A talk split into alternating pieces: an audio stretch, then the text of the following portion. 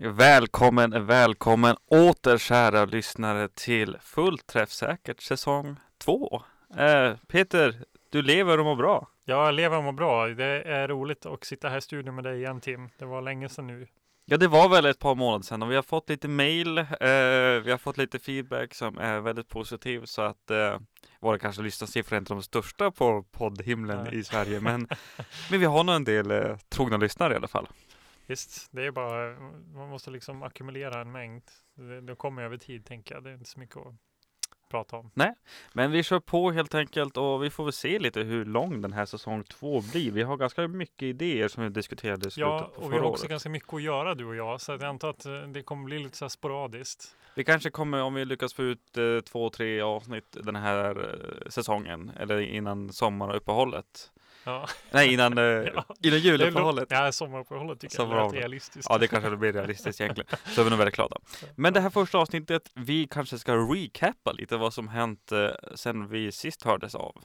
Ja, det låter väl rimligt. Det har ju hänt ganska mycket under sommaren. Ja, det är ju en, eh, en eh, det händer väldigt mycket på säkerhetspolitiska läget ute i världen och även Mm. här i Sverige. Absolut. Så vi kanske kan sätta en liten startpunkt för den här säsong två genom att helt enkelt titta vad som har hänt. Så eh, vi börjar väl då. En stad någonstans i Sverige. En stad där kanske du hör hemma. Eller du, eller du. Och där människor lever i fredligt skapande arbete för den dag som är och för kommande generationer. Men våra förhoppningar, våra önskningar och våra drömmar, allt kan en dag hotas och kanske förintas om vi inte slår vakt om vår frihet och vår rätt att leva i fred.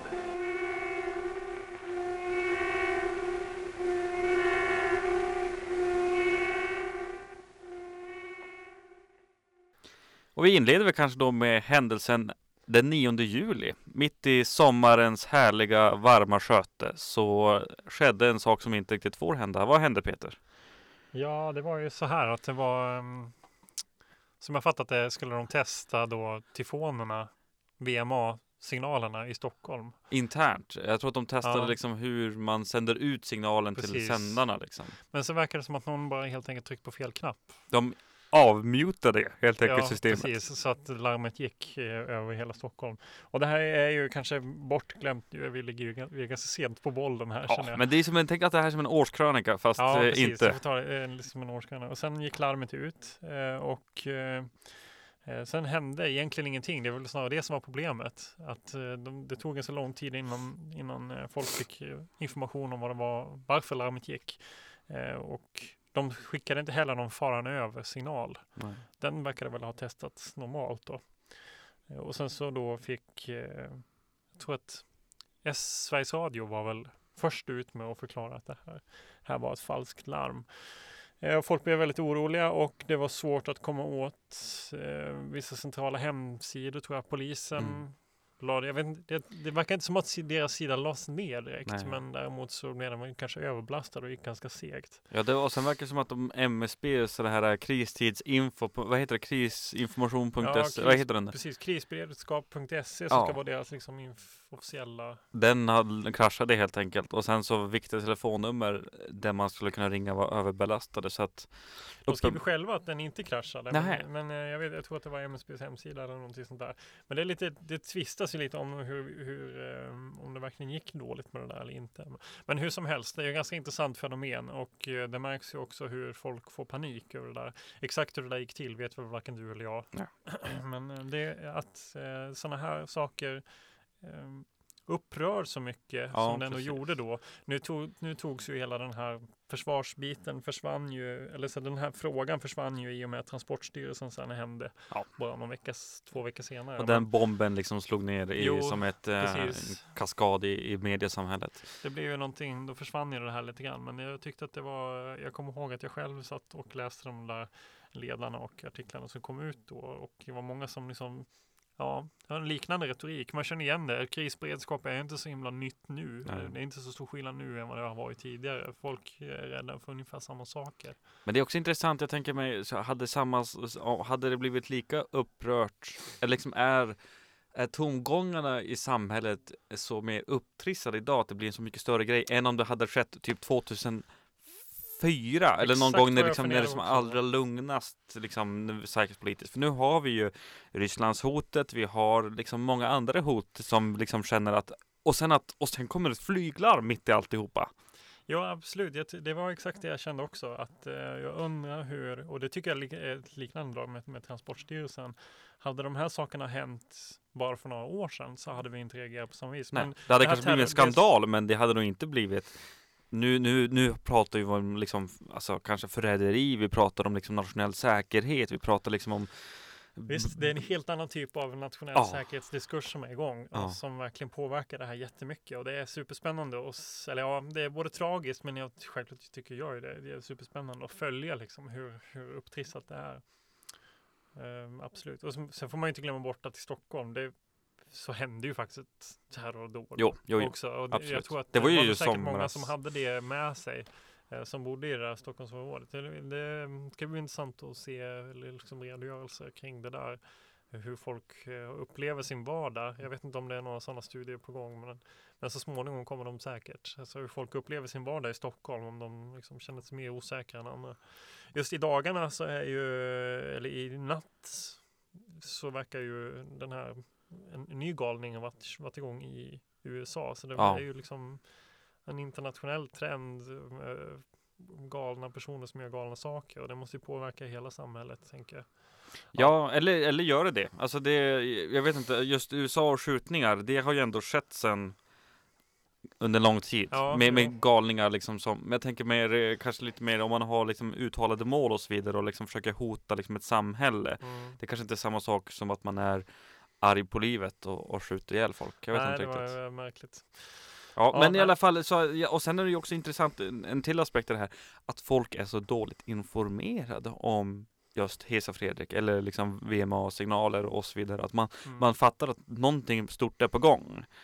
Men eh, liksom, att man inte Jo. riktigt vet vad det betyder. Och jag undrar vad ska de här krisberedskap.se egentligen, alltså är det verkligen eh, nu vet inte jag, det har ju aldrig hänt mig så det är bara rent hypotetisk fråga men om det skulle gå ett larm i Umeå där vi sitter nu eh, skulle jag gå in på en hemsida på krisberedskap? Hur många känner till den sidan? Ja, alltså och vad googlar man på? Ja, Eh, Larm, punkt, eh, larm plus panik, Umeå. Ja, exakt. Men du, vad, vad skulle du gå in på? Vad är liksom din VK. spontana?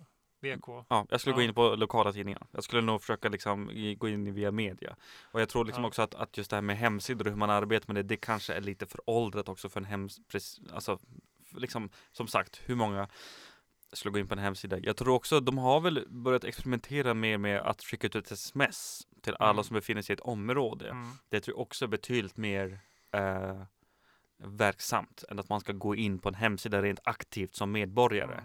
Utan jag tror information, alltså jag tänker med någon slags tanke med Hesa Fredrik, det är väl också att informera alla utan att man själv måste ta reda på den informationen. Nej, precis. Ja, jag tänker att min spontana reaktion eh, var ju radio. Gå in på Och det, P4. och det är också Och där finns det ju, men där finns det också en väldigt tät, knu, eh, tät koppling mellan Mm. just Hesa Fredrik och VMA. För att om inte jag har missförstått det här systemet fel, så när ett, ett skarpt larm går ut på Hesa Fredrik, då skickar eh, de här sändande telefonerna så finns någon slags radiosändningsutrustning som skickar ut ett meddelande till alla radiolyssnare. Så vet man sitter i bilen och kör bil och sen kommer det trafikinfo. Ja, det, ett här, sånt som mm, kommer sen till sån P4. push, Ja, lik- någon slags push-historia som säger att nu ska du lyssna på P4 Mm. och där finns det information om vad som sker. Det är fascinerande. Du säger, du säger eh, liksom ditt första så här, media eller lokal, lokaltidning och jag säger radio. Det är två typer av media eh, tekniker Mm. eller liksom teknologi eller vad man ska säga system, liksom informationssystem som också sitter som är över hundra år gamla. Medan liksom det här internet är nya. det är inte så nytt nu då, men är, är liksom inte, det känns inte lika säkert, det känns inte lika tryggt och det, det, det, det märker man ju också. Varför har de inte en, varför har inte polisen en hemsida som klarar av att typ hela Sverige går in samtidigt? Nej, men, Är det orimligt att förvänta sig att en, en myndighet ska, kunna ha det så? Och jag vet inte, säger inte det någonting om hur, hur osäker den där nyhetskanalen är?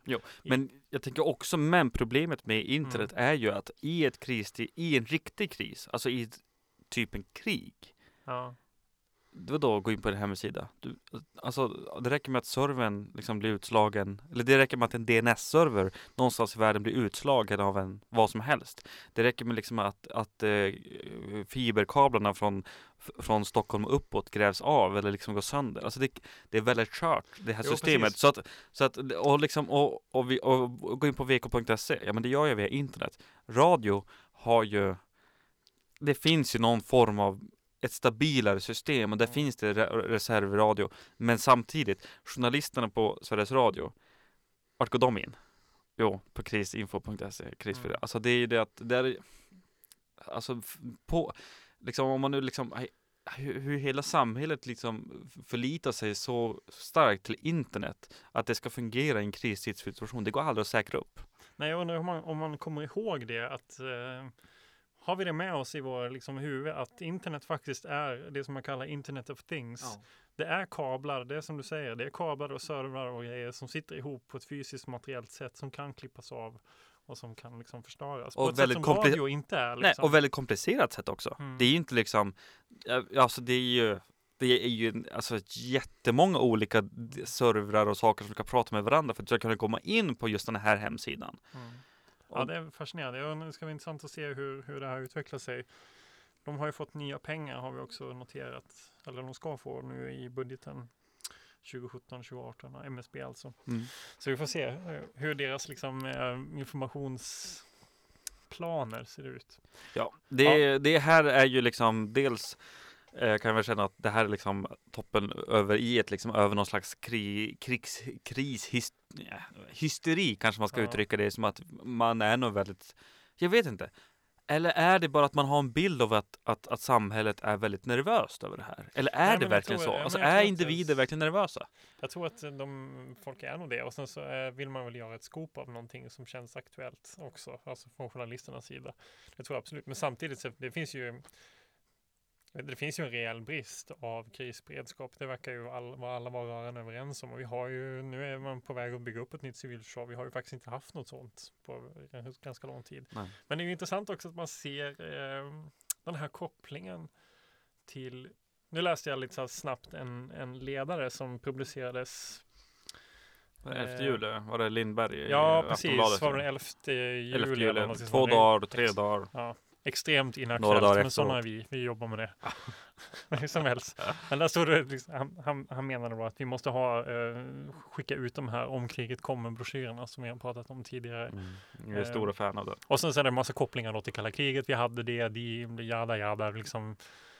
Det var bra. Ja, Bra. det var bra då, eller det, det fanns någonting då i alla fall och Mm. det skickades ut till alla och bla bla bla. Det fanns någon slags tanke från staten och, och så vidare och så vidare. Och huruvida det är sant att det verkligen var bra, alltså Ja. om man ska kolla på Diskuterade inte vi det? Jo, jag tror att vi har diskuterat det där. Och om man, det var inte, det var inte någon garanti bara för att du skickade ut en broschyr att folk hade läst, läst den eller liksom kände till den eller visste vad den var. Eller var beredda att ta fram den ifall en riktig kris. Så jag vet inte, man ska inte romantisera det. Men det var inte det som var min poäng.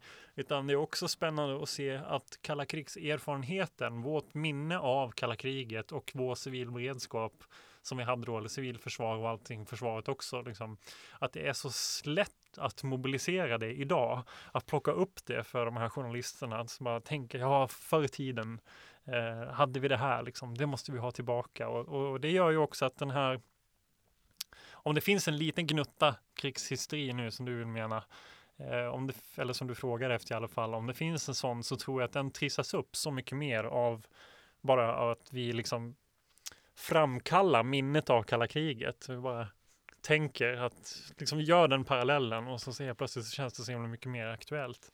Men om det verkligen är så i liksom på riktigt, det är ju Och sen så blir jag lite så här lite lätt. Alltså det, det är också att jag blir lite lätt. åh, jag vet inte. Det, det är som att man tar det så lätt på det hela. Alltså att krig är skithemskt. ja. Det är ingenting vi vill ha. Alltså jag vet inte. Jag Men tänker det bara finns liksom. nästan en önskan. Liksom, ja, en någon slags, eh, romantik ja, kring det här. Liksom visst, att, det- shit vad fint det var. Och det kan jag, Mm. jag gör mig också skyldig till. Fan vad häftigt det var att vi hade liksom stora Mm. jävla ledningsbunkrar i varenda lilla kommun. Tänk att allt var så förberett, alltså det nästan något erotiskt över det hela. Att man Jo, liksom, det och det är så planerat, och det är Det så är svenskt, det är så bra. Vi är liksom, Sverige ska skydda nationen. ja, Det är som en varm famn ska vi liksom lyfta den här vad är familjen. det för någonting? Jag undrar också. Ja, vad är det? Ja, Men, men man går igång på det. ja. Och det, är det inte det lite som vi behöver, som, som det liksom börjar pratas om nu igen? Jo, någon behöver skjuta ner den där, eh, den där ballongen. Ja, av- för av krig är inte, det är bara hemskt. Vad ska man kalla det? Kalla krigs et, eh, erotik. Ja, krig. en slags eh, som, eh, lite, lite läskigt och lite knasigt förhållande som svenska folk. Jag antar att det är antagligen lite större del män som har den också. Det, Ja, det nej, men- ligger någonting. Ja, Ja, men Nej, jag vet bara- inte, vi ska inte spekulera. Men jag jag ska tror, spekulera, men, jag, men det är bara alltså det jag, det jag vänder mig emot, det är ju liksom den här mm, att, att, att man, man tar det så lättvindigt på det. Och jag vet inte om man Jo. gjorde det under kalla kriget. Det har du mycket bättre koll på när man väl försökte planera verkligen för de här sakerna. Men nu känns det som att dels är det väldigt mycket tomma ord. Vi ska planera för det här, det här, det här. Ehm, men liksom samhället ser ju helt annorlunda ut idag. mm, Det är ju liksom det är privatiserat väldigt stor del. Det gör det jättemycket svårare. Hur ska man ha incitament till privata företag att skapa bra pålitliga lösningar? Myndigheterna jobbar ju mycket mer självständigt också. Ja. De är liksom inte satta under någon Totalförsvaret har ju inte liksom fungerat som någon slags paraply heller. Nej, och det skulle nog bli ganska svårt att liksom att Mm. det skulle finnas någon form av myndighet som gick in och tvingade andra myndigheter. Men vet du vad jag tror? Angående den här frågan, och jag tycker att det här anknyter också till den där informationskampanjen som de hade i maj. Eh, MSB hade ju någon slags så här, 72 timmars kampanj då. Nu är vi nu är vi sjukt inaktuella här, nu är vi fucking maj. Men vi bjuder på det, för vi älskar våra lyssnare. Då vet jag att de körde en sån här 72 timmars kampanj under en vecka och det var väldigt mycket mm, MSB var med på eh, Studio P1 och lite sådana saker. De skrev lite grejer och, och sådär. Och då visade det sig efteråt att det var ju stor del pensionärer som uppmärksammade det där, som brydde sig och som gjorde någonting. Men det, det, det jag tycker man kan komma ihåg vid alla sådana här tillfällen och det är även, även eh, när ett VMA går ut. Vad som händer i ditt huvud då, det är ju att du föreställer dig vad det där kan betyda. Eh, Och det är ju att det här händer någonting som kan vara ett hot för dig. Så på det viset så tror jag att de här informationskampanjerna har en dubbel funktion i att både vilja informera oss, men de också aktivt ser till så att vi fantiserar över en katastrof. Förstår du vad jag menar? Ja. Eh, Varenda gång som Mm. du hör ett samtal om, eller liksom en, en diskussion som vi gör här, antar att en lyssnare som sitter och lyssnar på oss har väl säkert samma grej. Om vi diskuterar civilförsvar så börjar man aktivt fundera över hur, varför behöver vi civilförsvar? Eh, Vad kan hända? Och vem är det som skulle vilja attackera oss? Eller vad är det som skulle, liksom, vad är det för typ av katastrof som skulle kunna göra att vi behöver ett civilförsvar? Och det, det skapar ju i sig liksom mer hets. Om du har en informationskampanj Mm. för hela svenska folket om att du måste ta hand om, du måste se till så att du klarar dig 72 timmar. Mm. Eh, Då ser man ju också till så att hela svenska folket sitter och funderar över vad som kan hända. Mm. Och det är klart att det påverkar liksom hela samhället och hela samhällsdiskursen. Så det, det är ju lite, det är som en slags knasig typ av eh, upprustningsspiral som man skulle kunna kalla det. Mm. Desto mer man informerar och desto mer man... Eh, Desto mer nervös blir folk ja, också. Ja. exakt. Ja, för att om inte hade vi pra- om inte hade pratat om just den här typen av liksom, frågor, då hade man ju aldrig Nej. tänkt på det. Och jag antar att på det, Precis, jag antar att det här, de här typen av eh, problem liksom staplas på varandra då. Om du har en informationskampanj och sen så händer det terrorhot och sen, eller en terroraktion eller någonting. Det blir en, en, en sån här felsignal. Eh, Transportstyrelsen, katastrofer. Alla de här grejerna läggs ju på varandra liksom Mm. och liksom trissar upp stämningen mer och mer och mer. Men alltså, sen, alltså det jag tänker så här, finns det inte någonting som är lite lätt obehagligt eh, liksom i, i botten av det här, liksom på Mm. något sätt som, som att absolut att vi ska, jag vet inte, nu kanske jag Jo. bara hamnar på något, men det, Det är någon bara- slags ja, kör, kör, Ja men det är någon slags, alltså någon slags nationalistisk tanke på något sätt som, som att man ska liksom, ja, jag vet inte hur jag ska förklara det på något bra sätt. Har du något, alltså, Ja, men, nej men alltså det finns något lite lätt, Säg vad du känner. Jag vet inte riktigt vad jag känner. Det är väl det. Jag vet inte hur jag ska beskriva det, men att det är liksom Nej men jag vänder, ja, alltså, men som sagt, alltså, jag, det var en bra beskrivning tror jag, liksom att vi befinner oss i en spiral som vi liksom inte kan riktigt komma ur. För att det, det skulle inte liksom funka nu om vi bara skulle sluta prata om, om, om allt det här som händer. Och sen precis som du säger, det, det händer massa saker omkring, runt omkring i världen. Vi har terrorattacker även i Sverige och vi kommer ha det i framtiden också. Mm. Men vi har också haft det förr. Ja. Det är inget nytt Nej. att terrorattacker, det är inget nytt att folk gör sjuka saker. Nej. Och tyvärr, det, det, det den här mannen nu gjorde med lastbilen i Stockholm, centrala Stockholm Mm. i somras. Det hände ju ett par år innan. Också i Stockholm. Och då var det en galen psyksjuk man som gjorde det. Jag vet inte hur många som dog, men jag får att jag jag läst. inte ens till. Nej, men jag, jag, jag läste och det är en verklig liksom händelse Mm. för det var någon som tog upp det som ett Mm. exempel på Ja, men det här är ju inget nytt i sig. Alltså det kanske liksom är. Nej, jag vet inte. Nej, men jag, Ja, jag det samlar iväg här nu. Men det är som att vi behöver ha något eh, Alltså vårt klass, om man tar vår klassiska ryss, ryssrädsla liksom. Ja. Jag tror att den är mycket mer än bara eh, Det är klart att man kan mäta den till viss del i hur, hur liksom, i realiteten hur farligt Ryssland är för våra intressen i Östersjön eller, så. Det, det finns ju någon slags menar, kan väl in- räk- Inte kanske just Nej. idag men, Nej. men eh, men det finns ju en, de har intressen, vi har intressen, det finns ju Mm. alltid konflikter här emellan. Så finns det, det går ju eh, på något vis, kanske inte kan mäta det där, men vi kan ändå Man kan att det tänka sig i alla fall, Ja. analysera det på något sätt. Ja. Visst, men sen så finns det också någonting som vi varit inne på, en mer liksom djuppsykologisk. Mm. Jag tror att vi behöver liksom ryssen med stort R Mm. eh, som någon slags symbol för det vi inte vill ha. Nej. Och, och, den, och den aktiveras lite då och då på olika sätt. Och den har, behöver inte alls ha, vara förankrad i verkliga hot, liksom, reella hot. Ibland är den kanske det, Mm. men den behöver inte vara det. Men jag tänker Och också vi att- måste vara jävligt försiktiga med den. Vi Men- måste veta men, att vi har den men är det inte oss. lite så här, alltså jag tänker mig att Åh, nu blir det så här. Men inte, vi, har, vi har ju någon slags, jag tänker att vi har någon slags extern fiende som liksom ska kanske ena någonting. Men, men har vi inte, är inte mycket av den här rädslan, kom, kan inte den komma från mycket från att en upplevd känsla över att, att, att många känner att samhället är på väg åt något slags fel håll. Mm. Och att, och att då liksom blir det här toppen är vit. För jag tänker om vi ser den diskussionen och den diskursen, eller liksom vi har nazister som marscherar på våra gator.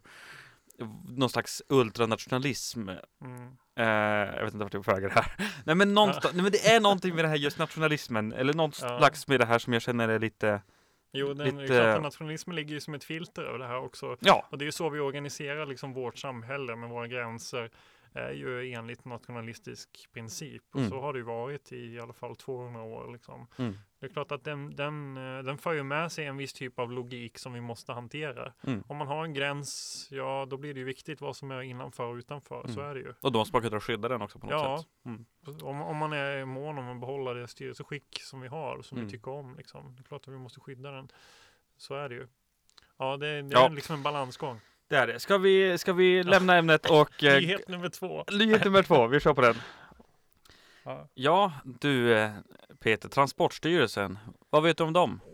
ja, vad vet jag om dem? Jag vet inte så. Alltså du menar vad de gör? Jag vet att de har koll på mitt körkort. Ja, Jag vet också att de har gett bort mina uppgifter. Till någon, är någon. eventuellt i eh, utländsk eh, agent eller Ja. någon form av... Ja. Ja. vem är det som har läst dem? Jag vet inte. Det är, Men det är lite oklart och, och Ja, vem är Men det? vi kan komma dit. Ja, vi kan, vi kan väl börja någonstans. Eh, vad hände den 6 juli? Jo, den 6 juli så blir det känt via media. Nu, nu läser jag enligt Sydsvenskan här då, en artikel. Blir det känt via media att Maria Ågren erkänt brott och accepterat ett strafföreläggande på totalt 70 000 kronor för grov oaktsamhet. Och det var väl just den där händelsen som liksom kickade igång det som nu är mer känt som någon slags vad är det känt? Transportstyrelsen Gate. Ja, Kanske. Transportstyrelsen-skandalen. Eller skandalen på Transportstyrelsen. någonting sånt som är fortfarande är i rullning och Mm. som eh, det är väl ganska ovanligt att en generaldirektör får liksom bötesblott. ja, Tänker jag. Det händer ju inte varje dag. precis bara, bara själva den grejen. Men hela liksom vad det innebär och vad som, vad som ledde dit är ju en, en eh, superstor grej. Och jag tycker det anknyter eh, väldigt väl till det där som vi pratade om innan också.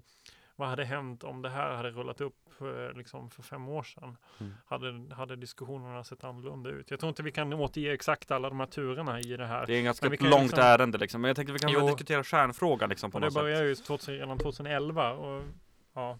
ja, vad är kärnfrågan i det här? Privatiseringar. Ja, Kanske skulle Jonas Sjöstedt ha sagt. ja, jag vet inte, alltså men eh, det, det finns många olika Ja, det kanske såklart finns det säkert olika, många olika sätt på det. Men det, kärnan i det här är ju liksom att man ska privatisera. mm, Man ska lägga ut de här eh, känsliga uppgifterna på entreprenad. mm, Och då gör man det till, till individer som inte är säkerhetsklassade eller säkerhetsprövade av om det nu är Must eller om det är Säpo. Gissa på det är Mm. Säpo. Och det är väl där liksom kärnan i den här skandalen ligger. Att man helt enkelt lägger ut liksom viktiga käns känsliga uppgifter. Sen liksom vad det är för känsliga uppgifter Ja. det rör sig om. Det är väl att det är väl hela, eller hela körkortsregistret och det, Ja, det, alla va? broar och allting liksom. ja. Precis, även känslig infrastruktur. Sen vet man inte, det, det är ju en, sen vet vi inte hur mycket skada som faktiskt ås, liksom, har blivit av det. Vem, eh, är det. Det är ju inte säkert att bara för de här personerna har, de här icke säkerhetsklassade personerna har fått tillgång till det, betyder inte det att de har missbrukat det nödvändigtvis. Nej, det behöver inte betyda. Så, så behöver det inte Men det vara. finns ju en risk för det. Men det är också så här som vi pratade om i vår förra nyhet att, att bara det faktum att det här, den här, det här bolaget var placerat i Tjeckoslovakien, Mm. eller inte Tjeckoslovakien, det heter Det, det var länge sedan Peter, du får uppdatera din Ja, geografi jag, här jag vet, alltså. Jag vet, men det blir så när man läser liksom, eh, när man läser historien, Ja. 1900-talets historia så blir det så. Att det var typ Tjeckien, alltså som på något vis fortfarande har eh, i vårt... eh, Det är ju öst. Ja, vi, vi betraktar det fortfarande som öst. En del av Eh, Warszawapakten liksom. Ja, Och, och då liksom klickade det igång massa saker eh, Oj. i vår hjärna. Så här, Sitter en "Åh, liten öst." Putin där och Precis. läser det här. Och, Där sitter sådana här eh, DDR liksom, eh, officerare och läser vårt, vårt eh, körkortsregister. Det Ja. är lite den tanken. ja, Som jag, det sägs ju aldrig rakt ut Nej, i nej. artiklarna. Men, Men det är väl det som ju. antyds på något sätt. Vi har att- liksom en gemensam bild av det där. Ja. Alltså jag vet inte, hade det blivit samma sak om de hade lejt ut det här till IBM i USA? Antagligen inte. Gissar jag då. Jag, jag, jag, tror inte det. Jag tror att det är klart det är det är ett problem i sig oavsett var den låg. Så Såklart. Men det, det finns ju några sådana här eh, drag i den här debatten som, som eh, får en att tänka lite att att vi lever kvar i minnet av en gammal eh, liksom, konflikt verkligen och den kommer säkert bestå. Den här, det här problemet. Men så, själva sakfrågan i sig. Jag, jag tycker att, att eh, jag håller med i stort sett det som gör en grej, det vet jag påpekade bara några dagar efter. Så det här är ju, det här är ju inte problem med ministrarna nödvändigtvis. Så det har ju visat sig att det var det. Men det är då, det bara några dagar efter att det avslöjades, så sa han så här att det här är en new public management problem. Liksom. Mm. Ett sätt att se och, och, och, och betrakta myndigheter och liksom organisera myndigheter som, som inte är hälsosamt ur det här nya, nya sättet som vi vill ha det. Eller ett mer säkert sätt. Ja, och det här hänger väl, jag antar att det hänger väl ihop med att totalförsvaret liksom släpar efter. Det Mm. finns ingen översyn eller Säpos varningar togs inte på allvar. Varför togs de inte på allvar? Jag vet inte. Det finns en väldigt intressant, eh, journalisten Emanuel Karsten, Karlsten, Karlsten, ja. Eh, ursäkta Emanuel om du lyssnar på det, men, men Emanuel Karsten. Ka- Karstedt va? Karstedt ja. Ja. ja, det är det. Ja, men vi, vi är lite, vi har inga datorer här så vi är lite analoga. Så jag kollar inte upp det. Men i alla fall. Eh, han skrev en väldigt bra analys precis när det här släpptes i juli som jag läste liksom som, som dels beskrev vad Maria Ågren hamnade i för situation och det var ju den här generaldirektören då som har fått bötesföreläggande och fått sparken också. Och det var ju det att det här var ju beslutat av den förra generaldirektören, ingen överlämning alls och sen helt plötsligt så den här driften som då låg på Trafikverket av de här servrarna, den liksom skulle ta slut. Så det fanns ingen som kunde ta hand om det här. Och då liksom det märkliga var att varför lyftes inga varningssignaler upp till regeringen och sagt att hej, vi har jättestora problem med det här just nu. Utan då liksom bara blev det så här som jag Mm. förstått. Inte för något försvar till henne liksom, men att Nej, men man förstår ju att hon är, kommer dit som ny, första dagen på jobbet där och sen så Ja. pang säger det bara och sen har hon är man ingen en, whistleblower kan Nej. man ju tänka nödvändigtvis. Men hon, hon på något vis försökte lösa situationen som hon ansåg sig få liksom. Ja. Så absolut, man får ha viss förståelse för att det blir sådär. Men sen kan man ju undra hur, hur eh, vad håller sossarna på också med eh, som det är ju, jag tycker att det, det må- måste ju vara uppenbart för hela svenska folket att Stefan Löfven kände till det här. Det kan man inte liksom, nu är jag i och för sig, jag tycker inte, eh, jag tyckte att det var onödigt att ministrarna skulle sparkas hit och dit. Jag tänker att det löser ingenting. Eh, men, men det är min personliga åsikt. Mm. Men jag insåg ju att alla, jag inser ju att alla lär ju ha vetat om det här sedan Jo, länge. jo det, här, det här var ju en sån historia som de liksom de måste ha vetat om det. Och om de Ja. inte hade vetat om det, då hade det varit en skandal i sig själv. Liksom. Mm. Men också att de hade, och nu är det ju också en skandal att de visste om det, Mm. men sa ingenting heller. Mm. De kanske hoppades på att det här skulle bara glida förbi och Mm. det inte skulle bli någonting. Men det är, en- ja, men eh, jag vet inte. Eh, Det är förebådande. Det kommer bli någonting nytt av det här. Eh, och, och det kommer bli en helt ny eh, sätt att hantera liksom, IT-säkerhet. Det kommer bli betydligt dyrare misstänker jag också. Ja, att vi, och sen tror jag att vi kommer hosta mycket mer i Sverige också. Mm. Inte för att det kanske innebär natur, alltså det kanske inte liksom per automatik betyder att det är säkrare, men att man kanske har lite mer koll på svensk lagstiftning som gäller också. Ja. Så får vi hoppas att det här inte har lett till att människor eh, ut, som arbetar för Sverige inom Försvarsmakten kommer Jag drabbas illa ut. något sätt. Det vet vi inte. Det kanske de redan har gjort. Det kanske aldrig var någon fara. Det har vi ingen aning om. och kommer Mm. antagligen aldrig få veta heller. Nej. Men vi får väl eh, vi får hoppas att, att eh, det där, de bitarna löser. Jag kan tänka mig att det måste vara ett jättejobb att registrera om alla liksom, Mm. fordon och allting.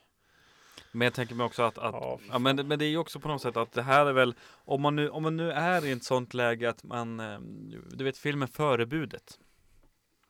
Nej.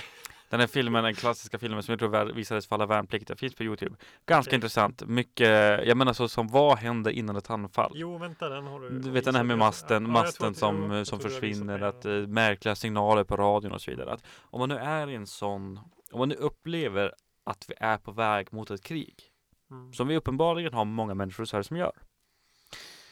Då är ju det här en för, eh, skulle kunna vara en förberedelse för ett krig. Ja. För vad är viktigt?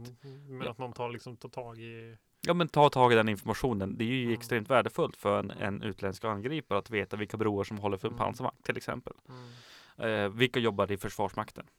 Alltså, så att om man nu skulle vara i den så i den positionen eller liksom att man då är ju det här jätte alltså allvarligt ur det perspektivet. Mm.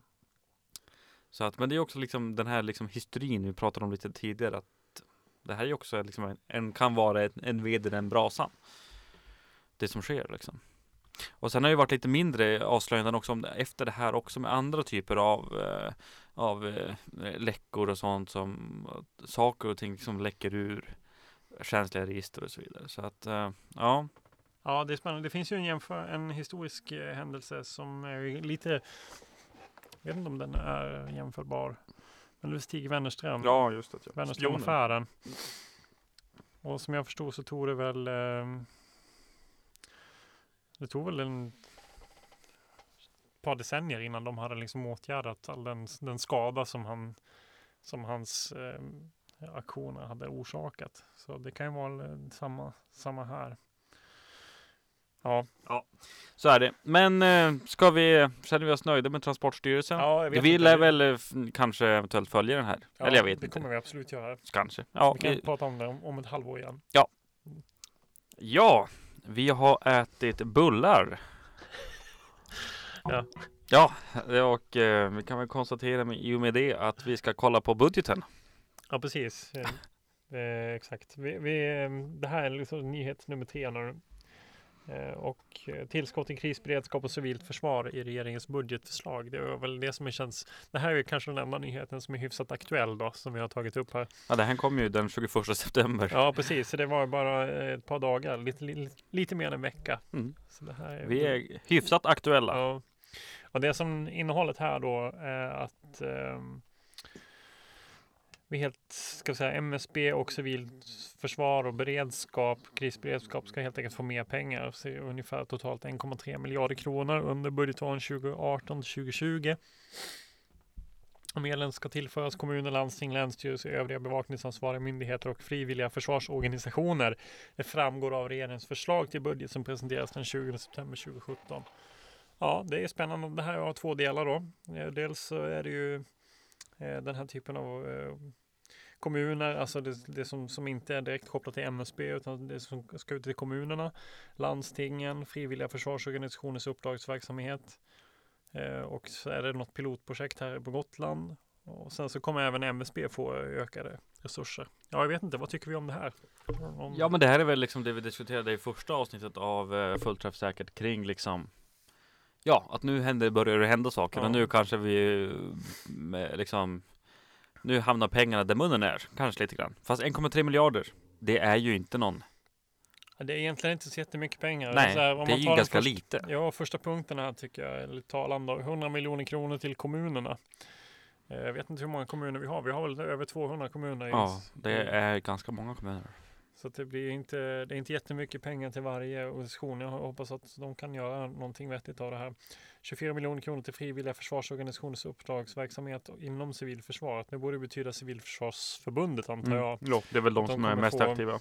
Ja, de kommer få lite eh, tillskott och jag antar att det är ju för att de ofta står för utbildningar om runt civilförsvar. Har traditionellt väl- sett haft det sedan, sedan 1937 faktiskt. Men eh, det man kan väl konstatera lite grann, det är väl att Civilförsvarsförbundet inte kanske riktigt hänger med i just den här civilförsvarsupprustningen som pågår. Det är min lilla spaning. Är det din spaning? Ja, nej, men jag, tycker, jag har fått den uppfattningen att man liksom inte kanske är på banan just med att eh, vad som händer just nu. Ja, jag vet faktiskt inte. Jag tycker att det är en, det är en fascinerande organisation som eh, jag hör eh, Alltså, men hur många civilförsvarsföreningar finns kvar i Sverige?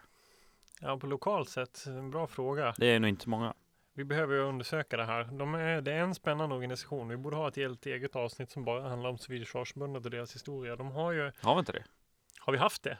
Nej, kanske kanske inte. Ja, men om, om vi har haft det så kolla på det. An, om inte så, så får vi göra det. Ja, nej, men jag tycker att de är fascinerande på det viset att de har överlevt alla de här svängarna. Och det är väl, Att de överlevde 90-talet. Det är Ja. ju... Jo, och även innan det också har de, har de, eh, de här olika liksom, civilförsvarsdoktrinerna som har funnits så har Civilförsvarsförbundet överlevt. Eh, Och det är väl just för att de har varit hela tiden fristående från staten Mm. och det har varit en styrka för dem. De har ju kunnat, eh, speciellt när, när civilförsvar blir allt, mer, eller allt mindre viktigt till förmån för krisberedskap och sådär så hade Civilförsvarsförbundet ganska snabbt kunde de visa sin styrka även där. Medan liksom Civilförsvarsstyrelsen, eller myndigheten, bara typ totalt kollapsade. Eller ja, kanske fel ordval. De blev helt enkelt nedlagda av Men jag tänker också, men, men också att det kanske liksom, tänk, menar om vi nu är inne i 80-talet här och vi pratar om hemskydd och vi ska liksom eh, Mm. utbilda flera hundratusentals hemskyddsombud och liksom det, allt skulle vara på topp och sen så bara kommer 90-talet och bara pang. Ja, Och sen men då gjorde, det var Civilförsvarsförbundet gjorde ju den stora insatsen där. När de fick, eh, när de fick uppdraget att återupprätta, hemvärnet så gjorde de ju det med Mm. råge. De, de lämnade ju över sin krisberedskapsorganisation typ 93 eller någonting sånt och då hade de till kungen, det var någon, de hade en liten ceremoni där och då eh, hade de ju typ 93 000 medlemmar. Så de gjorde en ordentlig drive under De, gjorde, de 90-talet. lyckades Ja. ganska bra med hem, Jo, de vad heter det, hemskyddsombuden. Absolut, de lyckades att, eh, med, sitt, med sitt uppdrag som de fick pengar för tror jag. Sen, Ja, vad, som hände, ja. vad som hände därefter vet Kanske jag dock inte. Alltså, Nej. Men det, och sen liksom hela den eh, hemskyddsorganisationen dog ut ganska fort. Ja, jag antar att den, den, den lär väl ha gjort det. Jag har svårt att tänka mig att de lyckades hålla den aktuell. Ja, speciellt hela, speciellt efter 2001 när man la ner invasionsförsvaret. Så att, ja, det, är nog inte, det har inte varit jättelätt säkert, men de har ju framförallt, de har ju ändå överlevt och det ska bli intressant att se eh, hur, de, hur de kommer växa nu. Om det, jag, ska, jag kan tänka mig eh, bara gissning att de antagligen fått tillskott på medlemmar de senaste året. Ja, eller, eller får man det? Ideella föreningar är väl alltid svårt. Ja. Eller, ja, precis. alltså, det du kan menar- vara så att folk kommer med i så här, vi som älskar civilförsvar på Facebookgruppen. Jo, eller klicka like. Ja, Nej, alltså jag vet inte, alltså det, det är att eh, det är liksom vad vi ser och det som faktiskt är. mm, Ibland finns en diskrepans däremellan. Absolut. Men om vi återgår till, eh, till Ja, det här ökade, men- jag vet inte riktigt vad, vad vi mer ska säga om det, men att det är, Ja, vi kan, kan väl konstatera att det inte är så mycket pengar. nej det är inte så Som mycket man kanske kan pengar förvänta sig. När man väl, det låter kanske mycket, men det kommer antagligen kosta, det är ju väldigt dyrt att göra den här typen av aktiviteter. Och så, men det är ju, eh, ja, det är en brytningsskede. Och är det inte mycket liksom, okej, jag vet ju att eh, du Peter är ju en forskare Mm. som, som vill ta reda på saker, men är det inte ganska mycket forskning som pengarna går till och kanske inte lika mycket till, eller jag vet inte. Ja, kanske, jag vet Alltså inte. mycket, men, men är det inte lite som vi pratade tidigare i tidigare avsnitt, är det inte lite som att uppfinna hjulet på nytt? Ja, nej, det återstår att se. För krig så är ungefär, ja okej vi har lite nya hybridkrigföring och sånt, Mm. men det är ju inget jättenytt egentligen. Inte ur ett det stort perspektiv. Nej, precis, det beror ju på lite hur man ser på det då.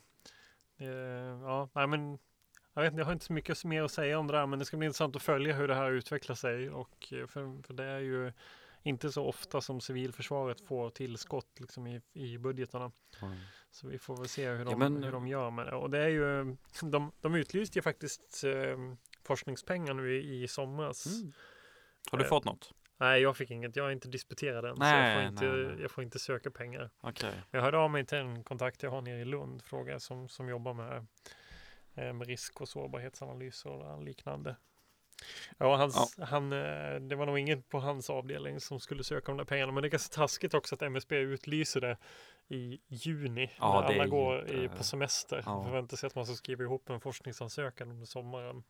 Det, Eh, kanske Det kan vara är jävligt svårt att mobilisera sina nätverk liksom och få ihop folk Mm. till att eh, söka de här pengarna. ja. Ja, nej men eh, du, du får väl följa för fullträffsäkert för att få det senaste inom den här frågan. Eller Mm. ja, med några månaders fördröjning kanske. Ja, Men eh, det är väl, ja precis, det är väl en ganska bra sammanfattning att nu Mm. händer det kanske någonting rent ekonomiskt också i alla fall med Mm. de här sakerna. Det är Mm. ju, men det är ju, det känns ju som att det är en enorm utmaning för Mm. MSB och de här myndigheterna liksom att hur, vart fan börjar man? Liksom, tänker jag. Om man ska sitta på myndigheten som ska ta hand om sånt här frågor. ja. Allt. Och, är det, och jag antar att de måste ta reda på liksom, vad är det för, för stora skillnader mellan då och nu och vad är det människor behöver Ja, eh, som vi inte kan, ja. Ja det, det, är, eh, vi kommer följa det här eh, slaviskt. Eller i alla fall hyfsat okej. Mm. Men ehm, jag tänker, ska vi ta och ehm, eh, avrunda det här eh, första avsnitt på säsong två? Ja, det var lite trevande, men, men eh, och det är lite mer så här, vi, re, lite recap vad som har hänt. Mm. Eh, och vi kan väl säga att Och Nordkorea. Ja, precis. Det händer ju så himla mycket ute i världen och på, bara på det internationella planet. Men vi kanske kan spara några, mm, vi följer aktivt vad som händer och så sparar vi några Mm. sådana här korn för att se vad vi återkommer. Om det nu skulle smälla på Nordkorea då kanske Mm. vi kan göra ett avsnitt kring det. Precis, det är en intressant, eh, jo men det, Det är ju en väldigt intressant konflikt som kan liksom skaka om ganska mycket kring just Ja. kärnvapen. Vem ska ha röster? och som anknyter så tydligt till, till um, kalla kriget och ja, jo, det finns många intressanta teman. Vi ska, jag vet inte vad vi ska snacka om nästa gång Tim, jag har ingen aning. Nej, jag vet inte. Och vi vet inte ens riktigt när det blir. Om det är Nej. det här året eller nästa året. Vi får se, men vi återkommer i alla fall. Ja, så att eh, gå in på eh, Ja, du följer Ja, vi, vi, vi, vi har lagt ner vår hemsida så om du vill oss något så Vi måste skaffa en Facebook-sida istället. Ja, fast det är inte lite tomt med om det inte blir någon likes. Det är den hemsidan vet ju ingen hur många som tittar på den. Nej, men vi måste ha någon slags kommunikationskanal i alla fall. Ja, skitsamma. Det vi kan inte skicka mail, du kan, vi kan ju skicka ett mail till oss. Ja, Ja, vi kan Ja, ja, vi- gör det. det, du når oss på något sätt i alla fall, eh, om du vill det. Men eh, tack för att du har lyssnat på detta avsnitt och eh, ja, jag heter Tim och du heter Peter Bennesved. och eh, tack för oss.